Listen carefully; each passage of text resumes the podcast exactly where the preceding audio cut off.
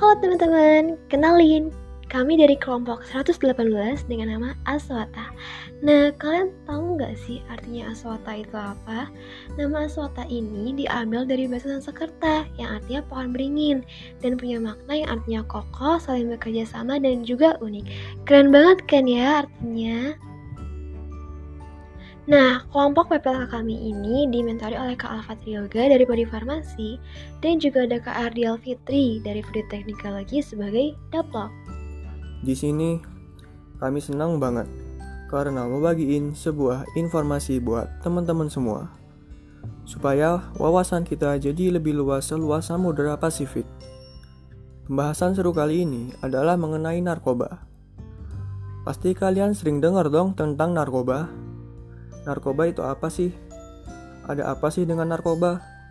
Apa sih dampak-dampak dari narkoba ini bagi kesehatan? Yuk, simak informasi dari kami ya. Narkoba itu apa sih? Oh ya guys, selain narkoba, orang-orang juga mengenalinya dengan nama nafza loh, yaitu narkotika, psikotropika, dan zat adiktif lainnya. Artinya, adalah sebuah bahan yang dapat mengubah dan memengaruhi seseorang mulai dari psikologisnya, kesehatannya, maupun sosialnya. Dan itu menimbulkan ketergantungan ke pemakainya. Bahkan kalau digunakan secara berlebihan, dapat menimbulkan kematian loh. Nah, sekarang ini bahkan dari zaman dulu sih, tanpa kita sadari, penggunaan narkoba udah menyebar di sekitar kita loh. BNN, Badan Narkotika Nasional, pernah melakukan survei penyalahgunaan narkoba kepada 13.710 responden yang terdiri dari pelajar SLTP, SLTA, dan mahasiswa pada tahun 2013. Ternyata usia sekitar 7-10 tahun sudah banyak yang menggunakan narkoba dengan jenis yang berbeda-beda. Dan sampai remaja adalah yang paling banyak menggunakan. Sayang banget gak sih? Malah masih muda. Mungkin kalau kita tanya motivasi mereka pakai narkoba itu apa, mungkin kita akan menerima berbagai alasan dari mereka. Tapi yang paling umum itu biasanya mereka lakuin itu karena mau mengurangi stres dan depresi mereka. Jadi, mereka sekedar coba untuk dapetin perasaan nyaman dan menyenangkan sebagai tindakan agar diterima dalam lingkungan tertentu atau sebagai tindakan untuk lari dari realita kehidupan. Bener banget tuh. Jadi kita harus bersyukur kalau kita ada di lingkungan yang baik, yang mau nerima kita apa adanya, dan juga bisa support kita selalu. Oh iya, biasanya untuk remaja yang pakai itu, bisa juga mereka adalah salah satu korban bullying loh teman-teman. Mereka pakai itu untuk nenangin diri mereka, padahal narkoba itu bukan satu-satunya jalan keluar. Mereka kan bisa juga ngasih tahu orang tua mereka supaya mereka disupport ada juga yang cuma coba-coba doang. Penasaran gitu sama rasa narkoba. Karena efeknya yang buat nenangin gitu pas itu pada tergiur kan ya. Pokoknya itu juga karena salah pergaulan deh. Makanya teman-teman harus yang benar untuk milih lingkungan pertemanan. Jangan sampai nyesel loh. Eh teman-teman narkoba juga ada sisi positifnya juga loh Narkoba itu bisa digunain di bidang pengobatan atau kesehatan dengan pemakaian yang tepat pastinya dan juga bisa digunain untuk penelitian. Tapi ingat ya guys, cuma bisa digunain oleh pihak khusus kayak dokter. Itu pun harus memberikan sesuai takaran dosisnya dan bisa digunakan oleh ilmuwan. Jadi, kalian jangan nyoba iseng untuk mengkonsumsi sendiri ya. Sekarang, yuk kita beda lagi yuk mengenai narkotika. Waduh, mulai menarik nih pembahasannya. So, ikutin terus guys. Jadi, narkotika adalah zat atau obat yang berasal dari tanaman atau bukan tanaman, baik sintetis maupun yang semi sintetis, yang dapat menyebabkan penurunan atau perubahan kesadaran, hilangnya rasa nyeri, dan dapat menimbulkan ketergantungan. Nah, kalau menurut istilah kedokteran nih, narkotika adalah obat yang dapat menghilangkan rasa sakit dan nyeri yang berasal dari alat-alat seperti rongga dada, rongga perut, dan juga dapat menimbulkan efek bengong atau melamun yang lama dalam keadaan yang masih sadar, serta menimbulkan adiksi atau kecanduan. Narkotika itu dibagi lagi menjadi tiga loh guys. Narkotika golongan pertama, narkotika golongan ini tuh cuman khusus digunakan untuk pengembangan ilmu pengetahuan dan tidak digunakan untuk terapi, serta mempunyai potensi yang sangat tinggi mengakibatkan tergantungan. Contohnya, ada tanaman koka, dengan koka, kokain mentah, metam, vetamina, dan tanaman ganja. Kita lanjut narkotika golongan kedua. Nah, narkotika golongan ini berhasiat loh untuk pengobatan dan juga bisa digunain untuk terapi tapi dengan tujuan untuk pengembangan ilmu juga guys serta punya potensi yang tinggi untuk efek ketergantungan contohnya itu ada etilmorfina ada kodeina ada polkodina dan juga ada propiram Oke oke untuk golongan terakhir Di golongan ini juga berkhasiat untuk pengobatan Bisa digunakan untuk terapi dan pengembangan ilmu pengetahuan tapi bedanya di golongan 3 ini, efek potensi ketergantungan itu lebih rendah dari golongan 1 dan 2 guys. Tapi ingat loh, tetap gak boleh dipakai ya teman-teman, gak aman. Di dunia medis saja menggunakannya gak sembarangan, harus menggunakan resep. Jadi apalagi kita hanya warga biasa, oke? Ingat ya, jangan dipakai. Lanjut deh ke pembahasan tentang psikotropika. Semoga kalian gak bosen ya guys. Tetap semangat. Kami aja semangat untuk bagi ilmu. Masa kalian enggak? Oke, lanjut ya. Psikotropika adalah zat atau obat baik alamiah maupun sintesis. Bukan narkotika yang berhasiat psikoaktif melalui pengaruh selektif pada susunan saraf pusat yang menyebabkan perubahan pada aktivitas mental dan perilaku. Halo semuanya, nih gue jelasin efek dari kecanduan psikotropika. Jadi berdasarkan tingkat kecanduannya, psikotropika dibagi menjadi empat golongan, yaitu untuk golongan pertama ini yang paling parah guys. Dia punya resiko kecanduan yang paling tinggi loh. Jenis itu bukan untuk pengobatan, ingat ya, tapi untuk penelitian ilmu pengetahuan. Contoh dari golongan ini adalah LSD punya efek halusinasi, dom, dan ekstasi, mengurangi rasa cemas.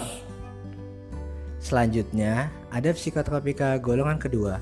Walaupun tidak separah golongan pertama, resiko ketergantungan golongan kedua masih cukup tinggi ya guys. Di golongan ini tuh biasanya digunain untuk menyembuhin berbagai penyakit seperti ADHD, epilepsi, dan narkolepsi. Penggunanya tetap harus sesuai dengan anjuran dokter ya supaya nggak overdosis. Contoh psikotropika golongan kedua adalah metafetamin, amfetamin, dan fenitoin. Golongan selanjutnya yaitu yang ketiga.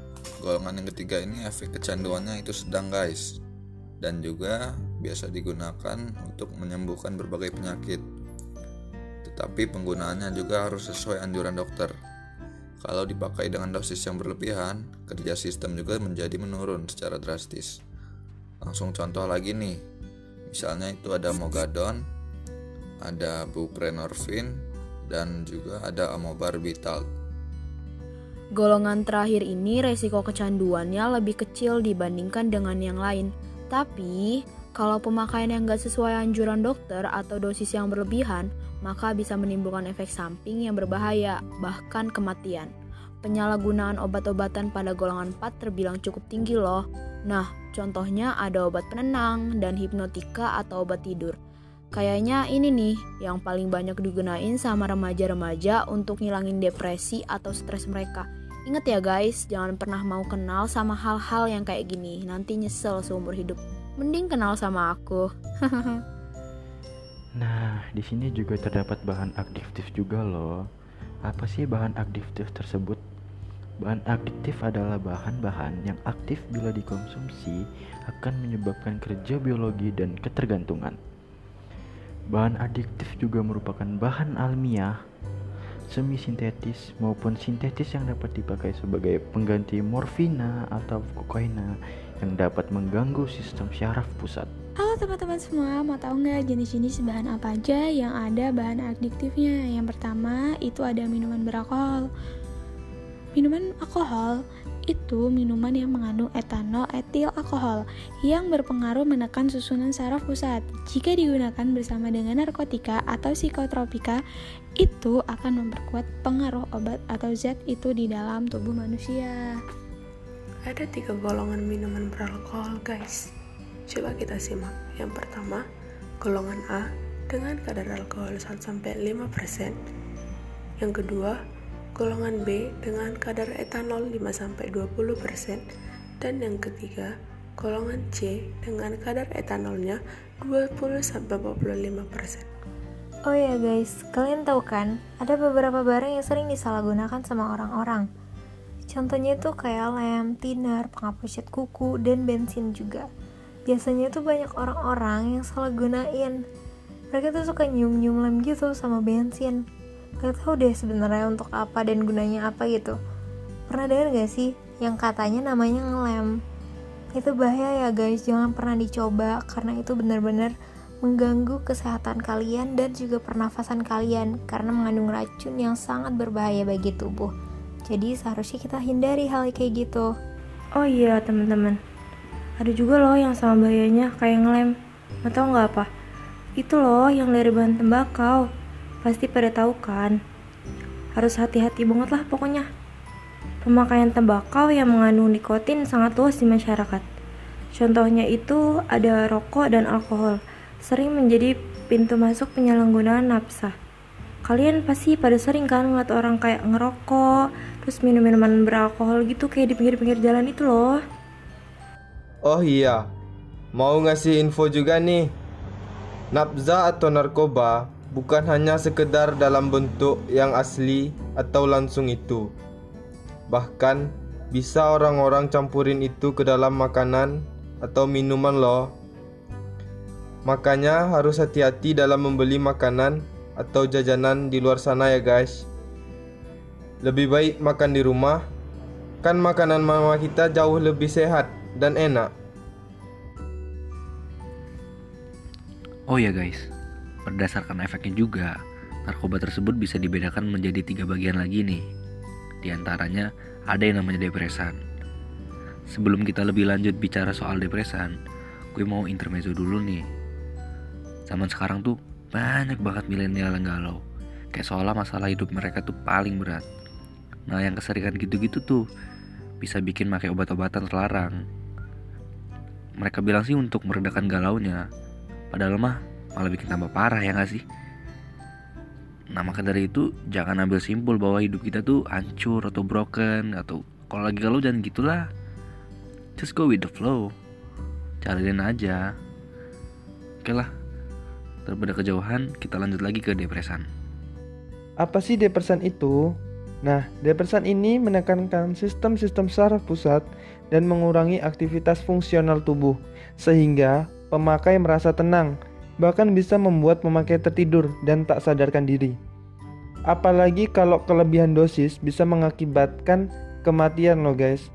Contoh dari depresan itu sendiri yaitu ada apioda serta turunannya seperti morfin dan heroin serta putau. Selanjutnya terdapat stimulan. Stimulan ini menyebabkan rangsang fungsi tubuh dan meningkatkan kegairahan serta kesadaran. Stimulan menimbulkan pengaruh yang bersifat merangsang sistem syaraf pusat sehingga menimbulkan rangsangan secara fisik dan psikis.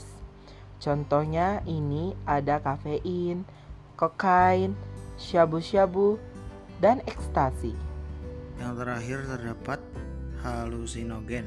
Dari namanya aja udah ada kata halu, berarti efek utamanya itu yaitu mengubah daya persepsi atau mengakibatkan halusinasi. Contohnya kebanyakan berasal dari tanaman seperti meskalin dari kaktus dan psikolibin dari psikolibin dari dari jamur-jamuran dan ganja. Bukan cuma itu aja efeknya. Masih banyak dan lebih berbahaya guys. Kalian perlu tahu nih. Ada juga efek-efek yang diakibatkan oleh penyalahgunaan narkoba, terkhusus untuk kesehatan, yaitu yang pertama adalah gangguan pada sistem syaraf atau biasa dikenal neurologis, seperti kejang-kejang, halusinasi, gangguan kesadaran, serta kerusakan saraf tepi Nah, yang kedua ada gangguan pada jantung dan pembuluh darah atau gangguan pada kardiovaskuler seperti infeksi akut otot jantung dan juga gangguan peredaran darah. Bayangin aja tuh guys, kalau otot jantung kalian kenapa-napa, suatu saat kalian merasa nyeri di dada, sesak napas, terus jantung kalian jadi bekerja dengan sangat cepat. Tiba-tiba otot jantung kalian kecapean dan gak bisa pompa darah. Kan bisa langsung mati di tempat. Ngeri banget deh guys kalau udah menyangkut jantung-jantungan. Lanjut, yang ketiga ada gangguan pada kulit atau yang disebut dermatologis seperti penanahan. Ya, jadi penanahan itu kayak apa ya kulitnya bernanah kayak gitu. Terus bisa alergi kulit juga kayak kulitnya gatel-gatel, mengelupas. Nah, terus juga mengalami gangguan eksim kayak gitu. Nah, yang keempat ini ada gangguan dari penyalahgunaan narkoba yang terjadi pada paru-paru atau pulmoner, seperti penekanan fungsi pernapasan, kesukaran bernafas, dan pengerasan jaringan paru-paru. Sering sakit kepala, mual-mual dan muntah, murus-murus, suhu tubuh meningkat, pengecilan hati, dan sulit tidur itu juga merupakan efek-efeknya loh guys. Ih, ngeri banget gak sih? Gak cuma itu aja guys, dampaknya ini juga berdampak pada kesehatan reproduksi kita. Contohnya adalah gangguan pada endokrin, seperti penurunan fungsi hormon reproduksi, yaitu estrogen, progesteron, maupun testosteron, serta gangguan fungsi seksual. Penyalahgunaan narkoba bisa berakibat fatal ketika terjadi overdosis, yaitu konsumsi narkoba melebihi kemampuan tubuh untuk menerimanya. Overdosis biasanya menyebabkan kematian. Selain itu, terdapat juga efek-efek yang ditimbulkan akibat penyalahgunaan narkoba, yaitu mengalami pelambatan dan kekacauan pada saat berbicara, kerusakan penglihatan pada malam hari, kerusakan pada hati atau liver dan ginjal, serta kematian karena overdosis. Nah, gimana guys pembahasan tentang narkoba ini? Jadi, apakah kalian masih mau pakai narkoba? Gak sayang nih kalian sama tubuh kalian.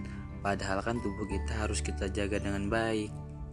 Nah iya bener banget Jadi ayo teman-teman di mana kalian berada Jauhi narkoba, tinggalin narkoba Dan jadilah generasi penerus yang berbakat, berprestasi dan kreatif Jangan mau ya dibodohi dengan narkoba Yang udah pasti menyesatkan dan merusak generasi bangsa Semoga informasi ini membantu ya guys. Ingat, jauhi narkoba. Sampai jumpa lagi dari kami kelompok Aswata. Terima kasih teman-teman, dadah